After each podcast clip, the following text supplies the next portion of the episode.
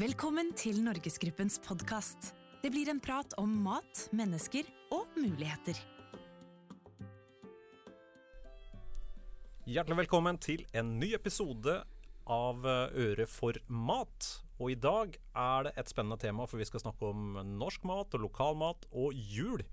Og da har vi tre veldig veldig spennende gjester i dag. Det er Nina Sundquist, som er eh, administrerende direktør for stiftelsen Norsk Mat. Og det er vel dere som står bak Nyt Norge også, Nina? Ja, Nyt Norge er kanskje det som er mest kjent. Eller det, vi vet at det er mest kjent, men vi har jo noen andre merkeordninger òg. Og da vil jeg jo spesielt trekke fram disse beskytta betegnelsene. I Norge har vi 32. Og så kan du nå se at ja, hva er det egentlig? Men hvis jeg sier champagne, konjakk og parmesan og roquefort og alle disse produktene som liksom er high class worldwide, så er de også beskytta betegnelser. Og vi har altså 32 i Norge. Det er spennende. Det skal vi komme mer tilbake til etter hvert. Og så har vi jo med oss eh, faktisk to kokker i dag. Den ene er aktiv, litt mer aktiv kokk enn den andre. Eh, vi har Espen Skjønning Lie, han er kokk. Og du er også leder for eh, kategori ferskvare. Velkommen til oss. Takk, takk. Det stemmer, det. Og Du er jo veldig sentral også i det vi gjør på matskatter og lokalmatprodusenter og mye av det Meny gjør, så det skal vi komme mer tilbake til etter hvert. Og så har vi med Eivind Hårlien. Eh, og Eivind, du er eh, egentlig også kokk. Men du er eh, lokalmatansvarlig i Norgesgruppen og har jobba med det i mange år. Velkommen også til deg. Tusen takk.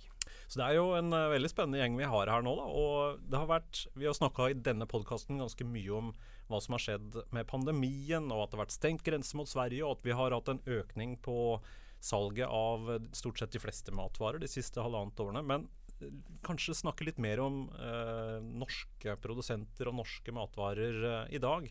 Og Nina, hva, hva opplever dere rundt interessen for norsk mat og salget av norsk mat? Du, eh, den har aldri vært så stor som den er nå, men det har ikke kommet sånn, sånn over natta pga. pandemien, akkurat det. Eh, det har vokst jevnt og trutt de siste sju-åtte årene, men nå er det liksom all time high. Eh, og man har blitt mye mer bevisst på hvor maten kommer fra. Det, det ser vi jo at forbrukeren vil ha norsk mat. Det, det er det ingen tvil om. Er det noe dere ser også, Espen? Absolutt. Vi har jo oppdaga eh, Eller vi merker at kundene har oppdaga norske matskatter, og at man kanskje har unna seg litt ekstra godt når det har vært stengte grenser og stengte restauranter. Og det også har vært sånn gradvis stigende, har vi merket. da. Men hva er det de kjøper for noe da? Ja, det er så mangt, men uh, vi merker særlig at kvalitets kjøttråvarer og sånne ting, og ikke minst at man kanskje tar seg mer tid til å lete blant uh, bredden i hyllene. da. Mm. Så, mm. Så, og da går det på alle kategoriene, i tillegg til kjøttvarer, som du sa, frukt og grønt, den type ting òg, eller? Ja, altså den perioden vi har lagt bak oss har vært veldig spesiell, og vi merka jo først en veldig trykk, eh, eller en veldig stopp på dette her med uemballert og ferskvarer og sånne ting, og salg over disk. Og så etter hvert så har jo dette stabilisert seg, men vi merker jo nå at eh, folk har kanskje tatt seg bedre tid til å nerde litt, sånn som pizzatrenden, det å kjøpe det spesielle melet, det å bruke den norske award-winning-osten på pizzaen f.eks. Og at man kanskje har funnet seg noen nye favoritter da, som vi tror at, uh, at kunden vil leve lenge med. Vet du hva, Det kan jeg bekrefte, Espen. For vi i Stiftelsen Norsk Mat vi har et ansvar for å måle salg av lokalmat både i butikk, også i storhusholdning hotell og restaurant, og også den nye salgskanalen sånn Reko og matfestivaler og Bondens marked og sånn. Og det vi ser er at det har vært en voldsom vekst. Det har aldri vært solgt så mye, 6,8 milliarder. Men vi ser at den veksten er i absolutt alle kategorier. Så det stemmer det du sier, at man, eh, man eh, utfolder seg i mye større grad da, når man eh, nå skal velge seg lokal mat og det som har det derre ekstra lille kvalitetsstinget. Og Eivind, du jobber jo veldig tett opp mot alle de, disse lokalmatprodusentene. Og det er jo noen av de man har hørt mye om. Det kan være bryggerier og noen ysterier og sånn. Men hvor mange lokalmatprodusenter er det vi samarbeider med i Norgesgruppen nå? Oi, vi har mange. Jeg bruker å si at vi har i hvert fall 650. Og så er det enkelte knøttsmå som leverer kanskje til én jokerbutikk eh, i Østerdalen. Og så har du store som leverer òg til alle Kiwi-butikker i Norge. Sånn at eh, spennet er enormt. Og eh, treffer utrolig mange forskjellige kategorier. Og du nevner både ost og håndverksbrygg har jo vært to kategorier som har hatt en fenomenal eh, utvikling. Og det er òg vi ser eh, samarbeidet innad i kategorien. altså Norsk Arsost og Bryggeriforeninga er to eksempler på noen som er kjempeflinke til å samarbeide og dele kunnskap eh, seg imellom. Og dermed eh, får en større gjennomslag i markedet. Det er kjempespennende. Så det går an å spise ost og drikke øl til, altså? Det er fullt mulig. Og det er kjempegode kombinasjoner av øl og ost. Men òg sider, som vi nå ser kommer dog ikke så mye dagligvare pga. 4-7-grensa. Ja, for der òg skjer det masse nå i miljøet rundt, uh, rundt Sogn og, og, der? Og Sogn, Hardanger, men det skjer òg eh, i Ryfylke, det skjer i Telemark, det skjer i Lier, det skjer på Møre. Så det er jo en uh, fenomenal, kanskje trea bølge. Og i tillegg til alt det andre. Ja, sild begynner å bli kult. Altså Juvik-sild med egen julekrydra eh, sild nå inn mot jul. Du har eh, ja, norsk chili dyrka på Jæren. Altså, eh, og ja, mangfoldet er enormt, altså. Men er det noen av disse lokalmattrendene som du ser er sterkere enn andre? Så du ser at nå er det mer fart på dette området enn på andre områder? Er det, er det sånn jevnt sig og stigning eh, interessemessig på alle områder? Det er jo som eh, Espen og Nina sier, det, det vokser jo i alle kategorier. Og så har det kanskje vært ekstra stort fokus på håndverksøl og på ost. men det som nå skjer i Meny, bl.a. på Angus, altså premiumkjøtt. Du har det på eh, ja, frilansgris, du har det på premiumkylling. Altså det skjer i veldig mange kategorier. Og det er jo en, eh, både en kategoriutvikling, altså at vi trer det opp, eh, fordi vi eh, ja, ønsker noe mer enn kan det standardproduksjon. og så eh, har matkunnskapen eh, økt eh, hos mange forbrukere. Ja, for Det virker som interessen rundt mat generelt også er stigende. Du var jo litt inne på det, Espen, med sånn pizzanerding, og man kjøper eh, spesialmjøl, og man lager liksom ting fra bunnen av. mer sånn. Vi, er det fordi vi har hatt bedre tid under pandemien til å gjøre sånne ting, eller er det mer en sånn makrotrend som du ser blant forbrukere generelt nå? Nei, altså Det er jo sånn som disse trendene. Det kan sikkert spole helt tilbake til at man begynte å brygge sitt eget øl, eller at man ønska å lage pølsene selv osv. Og det er ikke sånn at dette er skapt under pandemien, men er nok blitt forsterka under pandemien. Uh, og så ser vi også at der lokalmat spesielt kanskje var litt sånn skjulte skatter før, så er nå er det god lokalmat i alle kategorier, og derfor så er det også eh, aktuelt å bruke det til all type matlaging. Så norsk and f.eks. trender jo på asiatisk til crispy duck og osv. Så og så videre, sånn at jeg tror det at vi har så gode råvarer nå eh, som er tilgjengelig, det gjør at det er relevant for all type matlaging. Da. Mm og interessen, du var jo litt inne på det, Nina. Men dere gjør noen målinger også sånn Hva syns mannen i gata om norske produkter, og hva er interessen for norsk mat? Altså omdømme. Dere hadde gjort noen målinger på det? Ja, Vi måler jo det knytta til spesielt Nyt Norge, da. Mm. Som eh, eh har nå en eh, kjennskap hos forbruker på 93% Det er jo helt fenomenalt. Eh, og ni av ti nordmenn mener jo også det er viktig å få den type veiledning, altså at det har en betydning. Så noen ganger så får vi jo slengt den, altså det er en sånn merkejungel. Ja. Men, men uh, vi kan godt være enige at det kan være mange merker, men forbrukeren orienterer seg etter de merkene som er viktige for dem, og for dem er da ofte norsk viktig. Og så er dette et merke som har høy tillit eh, hos forbrukeren, og det skal man jo slettes ikke kimse av. Men jeg har bare lyst til å trekke én tråd jeg, tilbake til Espen og det du spurte om hvordan dette har vært. Eh, jeg tenker sånn mathistorisk så ble vi liksom Etter krigen, hvor vi hadde den gamle husmora, liksom, og vi hadde ikke så mye, så, så ble vi når, når, vi fikk hermetikken og vi fikk liksom etter altså, Alt kom fra USA, da, Amerika, ikke sant, etter krigen, så ble vi på mange måter smakslobotomerte og kunnskapsløse. Mange årsaker til det. Og så liksom, gikk pendelen liksom helt til et ytterpunkt der. Eh, så ble det jo støttet opp under at vi kutta litt ut på skolekjøkken, og eh, liksom saksa ble viktigere på kjøkkenet enn kniven, for du skulle klippe suppeposer og alt dette her. Og så har den trenden bare glidd liksom over til at eh, nå vil vi ha den gamle kunnskapen tilbake, og vi vil ha liksom de rene smakene og gode råvarene og, og lære dette selv. Så er ikke det en bølge som har tatt hele landet, men noen går foran, og det jeg syns er spesielt artig, det er jo at det, det er jo ikke eh, oss over en viss alder. Nå vil ikke jeg liksom røpe at jeg var 57, da. Eh, men eh, det er faktisk litt yngre mennesker som, som, drar det frem, og det gleder mathjertet mitt stort. Fordi at det er jo de som også er fremtida, og de skal ha, får jo barn en gang, de også. Så det, det er, jeg er utrolig positiv. Altså jeg er bare optimistisk på hvordan dette her skal bli.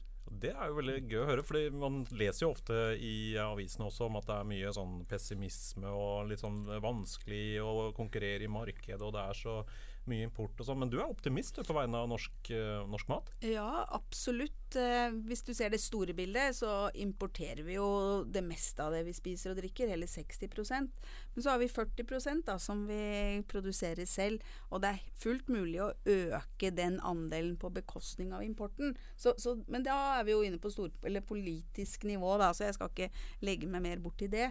Men jeg ser jo også at det, det vi ser av gründervirksomhet innenfor lokalmatproduksjon, det er det ofte unge, driftige mennesker som setter i gang. Og jeg blir jo så glad fordi at eh, Ja, det er sikkert vanskelig å få det knallsalget fra dag én, men dette er jo gründerbedrifter. Eh, og så tenker jeg at som, at som gründer så skal du jo både holdt på å si stappe pølse og kjevle lefser eh, og yste ost veldig, veldig godt. Det er et håndverk, så det må jo læres. Og det er jo de færreste nå som tar fagbrev i dette, men de lærer det, og kunnskapsoverføring fra eldre og litt sånt. Men så skal de jo også kunne markedsføring, salg og kalkyler og mattrygghet. Altså det er, det er jo bare fantastisk mye de skal kunne. Men, men de, de går, gyver løs, og de klarer dette. Og så bygger de stein for stein. Um, og det, Vi har flere eksempler på det, og det det liksom da, da tenker jeg dette, har, dette er virkelig gull for Norge. Når du møter eh, lokalmatprodusenter, Eivind, eh, og du vet at her ser du, her ser du gull, eh, du ser at dette er høy kvalitet, men du, du merker sikkert ofte at dette er jo entusiaster, de er flinke matfolk og de produserer, men de mangler kanskje litt av den den kommersielle siden da, for å få det her ut i markedet og bygge merkevare og sånn. Hvordan, hvordan, jobber du og, og teamet med, med, sånne leverandører? Ja, det viktigste er jo først å bli kjent med en ny leverandør. Hva er det den hva er god på? Eh, og eh, noen har ekstremt produktfokus, og det er jo eh, egentlig litt sånn motsatt av kanskje industrien som kanskje er et prispunkt, og så jobbe deg tilbakeover. Her er jo produktet satt, altså, og eh, som regel knallbra. Eh, og så blir det jo det å tenke strategi. Fordi det er, det er jo krevende, som Nina sier. Altså du skal egentlig kunne alt. Altså produksjon, salg, markedsføring, eh, lover og regler, og, og, det å komme eventuelt inn i et stort dagligvaresystem. Så det ene er litt strategien din. Er du ja, skyter med rifle, og så skal du være best i La oss si de beste butikkene i de ulike byene. Altså hvis du har et ganske spisst produkt. Ønsker du å ha en stor regional distribusjon, altså være best lokalt, eller ønsker du å bygge gradvis til å bli en nasjonal eh, aktør? som bruker ganske mye tid på eh, å bli kjent, eh, liksom, eh, og hva er lurt eh, å bli. Eh, så kurser vi deg en del. anbefaler deg som er god nok til å søke en type spesialitetsmerke i Stiftelsen Norsk Mat for å, å bli med i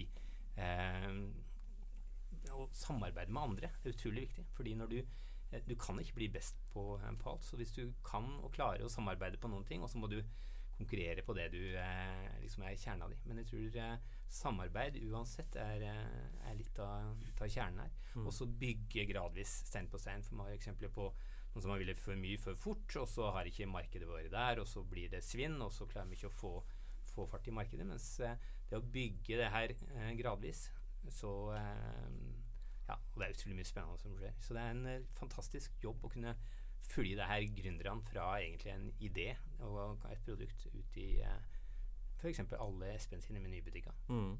Men er forbrukeren villig til å betale litt mer da, for sånne typer produkter? Espen? Ja, det vil jeg si. Men der vi før hadde betalingsvillighet for det som var på en måte personifisert gjennom bonden eller produsenten, Eh, men kanskje ikke hadde gjenkjøpet, så ser vi jo nå at kvaliteten er såpass høy at du også er villig til å betale for det gang på gang på gang. Og Det er det som er så unikt med veldig mange av disse produsentene. at det er jo småskala ofte, og du har mulighet til sånn som hos Ask spekevarer f.eks., hvor du har mulighet til å faktisk kverne krydderet rett før du har det i pølsa. Du får jo ikke ferskere krydder enn det, eller å håndplukke råvarene som du bruker i ditt eget produkt. Mm, men blir det bedre smak enn en eh, større produsent ja, helt klart. Det blir, eh, det blir bedre smak, og det blir verdt å bruke penger på det produktet igjen og igjen. Mm, nemlig. Ja, det er et spennende tema. og Jeg ser jo også i butikken at det blir jo mer og mer plass til, eh, til lokalmat og til sånne type nisjeprodusenter. Hvor, hvor stor omsetning er det i Meny nå, f.eks. på den, den type produkter nå? Nei, Nå nærmer salget av matskatter seg 6 eh, av Menys totale omsetning, og matskatter vokser tre ganger eh, mark Ja. Markedet vokser tre ganger veksten til Meny, da. Ja. Matskatter. Så da, da er det jo mer enn bare noe man gjør for moro skyld. Da er det jo, dette er jo business. Ja, absolutt. Og en fjerdedel av ribba vi selger til jul, er lokalmat og kvalitetsribbe. Så vi er på en veldig, veldig fin reise. Mm. Ja, det nærmer seg jul. Det er, eh, det er noen som gir bort mat eh, som julegave også. Pakker sånne Ja, det, var, det papirposer og sånn. tenkte jeg faktisk å komme inn på her, Stein. Altså det med å velge mat som julegave. Nå har, eh, om det da er eh, ferdige ostepakker som du finner, altså med Eiker eller Gangstad eller Valdresmeieri sammen med, med syltetøy fra Røyland, eller om det er da geleer, syltetøy, eh, eplemost fra Epleblomsten eller Askim eller Røyse. Eh, gi mat til jul, altså. Det tror jeg alle eh, setter pris på. Mm -hmm. Har du noen julegavetips, Nina? Du, nå kan jo ikke jeg røpe hva jeg For nå har jeg nettopp sagt hva mine kollegaer i stiftelsen oh, ja, sånn. skal få. Det er hemmelig. Eh, men vi er vel kanskje inne på tema. Eh, og 'living the brand', liksom. Så, så vi er vel egentlig der. Men eh, ja, jeg, opp, jeg oppfordrer alle jeg, til å gi enten eh, sanselige julegaver eller opplevelser. Og kan man kombinere de to, så er jo det gullet godt. For jeg syns jo vi har noen produkter som er usedvanlig gode rundt en bålpanne, liksom. Og hvis du tar med deg venner eller familie ut, bør ikke gå så grådig langt, liksom. Bare man er ute og koser seg med da Ja, jeg har, jeg har en favorittost. Og når jeg sier bålpanne, så tror jeg kanskje dere vet hvilken eh, ost jeg tenker på. De to eh, kokkene på enden av bordet her nikker i hvert fall. Ja, og den er bare fantastisk. å ta med deg noe god kjeks eller litt ferskt brød, og sett den på bålpanna og lag litt ordentlig eh, toddy. Og nå syns jeg det er blitt mye på drikke uten alkohol òg, som smaker godt som du kan varme. Eh, altså lage eplegløgg kanskje med ingefær og varme det. Altså det, liksom det, det er bare det er bare et hav av muligheter vi har der. Vi må bare oppdage det og fortelle om det og vise det fram og virkelig gå i front. Men hvilken ost var det? Den heter Ja, det var Espen da. Kan vi kjøre quiz? Kan, kan det være at osten også fikk gull i World Cheese Awards i Eh, år? kan være at det var en av de to som fikk gull, ja. Eh, ikke kan være, den fikk jo det. Det er en veldig god ost. Den er jo ikke veldig gammel. Jeg vil tippe at den kom for tre år siden ca. Men du smakte den faktisk på Vinjerock når eh, da, Det er jo Gangstad vi skal til nå. Som eh, Da hadde jeg liksom jobba med den, og vi satt rundt et bål sammen med åtte osteprodusenter. Eh, det er fire år siden. Og eh, da var det Jostein da som hadde den med seg. Og det å sitte da Du veit at her har du nesten en sånn verdensnyhet, sjøl om eh, den er, har inspirasjon fra Sverige. Eh, å sitte da 1000 meter over havet med musikk i bakgrunnen, store fjell og den osten og et bål som Nina sier her, det er jo eh, magisk. Og har du da gode venner og et, noe godt i glasset, og så er jo, er jo himmelen. Og osten heter Granstubben. Og vet du hvorfor? For den har jo et gran... Altså den har jo granbarg magebelte rundt. Eh, og da må jeg bare gi et tips, for jeg har jo spist den mange ganger. Men første gang så hadde jeg ikke en ordentlig skål å varme den oppi. Så tok jeg den i stekeplaten. Da, da kan du si at da hadde jeg sånn flytende ost over hele stekeplata. Men du skjønner at den er like god, da bare da må det bare flyter litt ut. Og da, da må jeg jo si at da var det veldig fristende bare å ta fingeren og liksom rett fra plata og rett inn Gjør det. Mm, det nydelig. Og det er bare å sleike den Ja. altså, for den er eh, tipp topp. Men eh, det, jeg syns jo som sånn oste, holdt på å si ostepyse det, det er litt vanskelig å navigere i ostehylla. Men nå ser jeg, Espen, det skjer jo ting der også. fordi Hvis man går på Vinmonopolet, så er det jo litt lettere å navigere. Da ser man opprinnelseslandet, det står på hylla, og så står det hva slags type mat den passer til, de forskjellige vin og sånn. Det virker som dere i Meny er litt på det sporet der nå, på, i ostehylla. Ja, vi jobber mye med det. Vi har fortsatt en vei å gå, men uh, vi, drømmen vår er jo som du sier disse labelene på Vinmonopolet. Uh, men alt i alt så handler det veldig mye om å lære forbruker å bruke ost til mer enn bare å lage et ostefat. Mm. Uh, sånn som Nina sier, å sitte med osten på bålpanna, kombinere med spekemat, eller om det er marmelader eller geleer, eller det å bruke ost. Vi har jo hav av norske fastoster som er mye, mye bedre i mange tilfeller enn f.eks. parmesan. Da. Så det å bruke ost og norsk ost eh, bredere i matlagingen, det, det, er noe vi jobber mye med. Men da må jeg jo spørre, når vi har en kokk og ostespesialist i, i studio i dag, hjemmelaga pizza. Du skal ikke kjøpe bøffelmozzarella fra Italia. Hva, hva, bruker du hvis du skal velge norsk ost på pizza? Hvis du er da sånn at du må ha den bøffelmozzarellaen, så er det jo ofte sånn på restauranter at man river over parmesan. Så da kan jeg gjerne bruke norsk alpost eller bufarost fra Valdres eller en annen deilig fastost. Eller så fins det jo mozzarella fra Vuku, som vant årets eh, lokalmatgründerpris. Du har eh, ja, det er hav av oster. Og det å kombinere også Du har mozzarellaen i bunn, men så kan du kombinere med rød ku eller cheddar fra Torbjørnrud eller andre gode smaker, da. Det blir nesten som quattro formaggio, altså fire ostpizza. Det er jo eh, fullt mulig å lage det med norske oster. Altså. Men da heter den fire oster? Ja, jeg er nødt til det, da. fire øst, altså, men kanskje snakker men det nærmer seg jul. Vi er jo i uh, adventstid allerede, og um, julemat finnes det noen bra løsninger der? Og det er klart, uh, For meg som er fra Eidsvoll, så er det jo, det er jo ribbe, og, ribbe og pølse som gjelder. Og da finnes det jo mye bra norsk, selvfølgelig. Men uh, Nina, hva, hva, er din favoritt til jul? Ja, hvis, du, hvis, vi kan se jula som litt mer enn julaften, så tror jeg jeg krysser, liksom, sjekker ut alt som skal være i løpet av jula. men jeg også da er jo fra Oslo, så det er ribbe på julaften. Og så er det jo pinne, pinnasteik har jeg fått eh, øynene opp for eh, på første dag. Pinnasteik. Det er litt, altså du får også kotelettkammen, altså det er litt mer kjøtt og ikke bare så mye bein. Eh, så det er første dag. Og så er det lutefisken selvfølgelig kommer. Og så på nyttårsaften så må jeg bare ha det som er det beste jeg vet innenfor kjøtt. Og som er det enkleste å servere til mange gjester. Hvor alle blir fornøyde, og da snakker vi reinsdyrfilet. Mm. Oi, det er spennende. Ja, det er, vet du hva, det, jeg kan ikke få fullrost eh, norsk reinsdyrkjøtt. Du verden. Espen, da? Hva jeg spiser til jul? Ja. Du, jeg har vært så heldig i alle år at jeg er født og oppvokst med kalkun. Og det har vært veldig, veldig deilig når man har stått i, med lutefisk og pinnekjøtt og ribbe oppover øra i mange måneder allerede. Men så, etter at jeg liksom trakk meg ut av restaurantkjøkkenet, så har jeg begynt å sette pris på, på all julemat. Så jeg gjør litt sånn som Nina prøver å spise meg gjennom hele fjøla.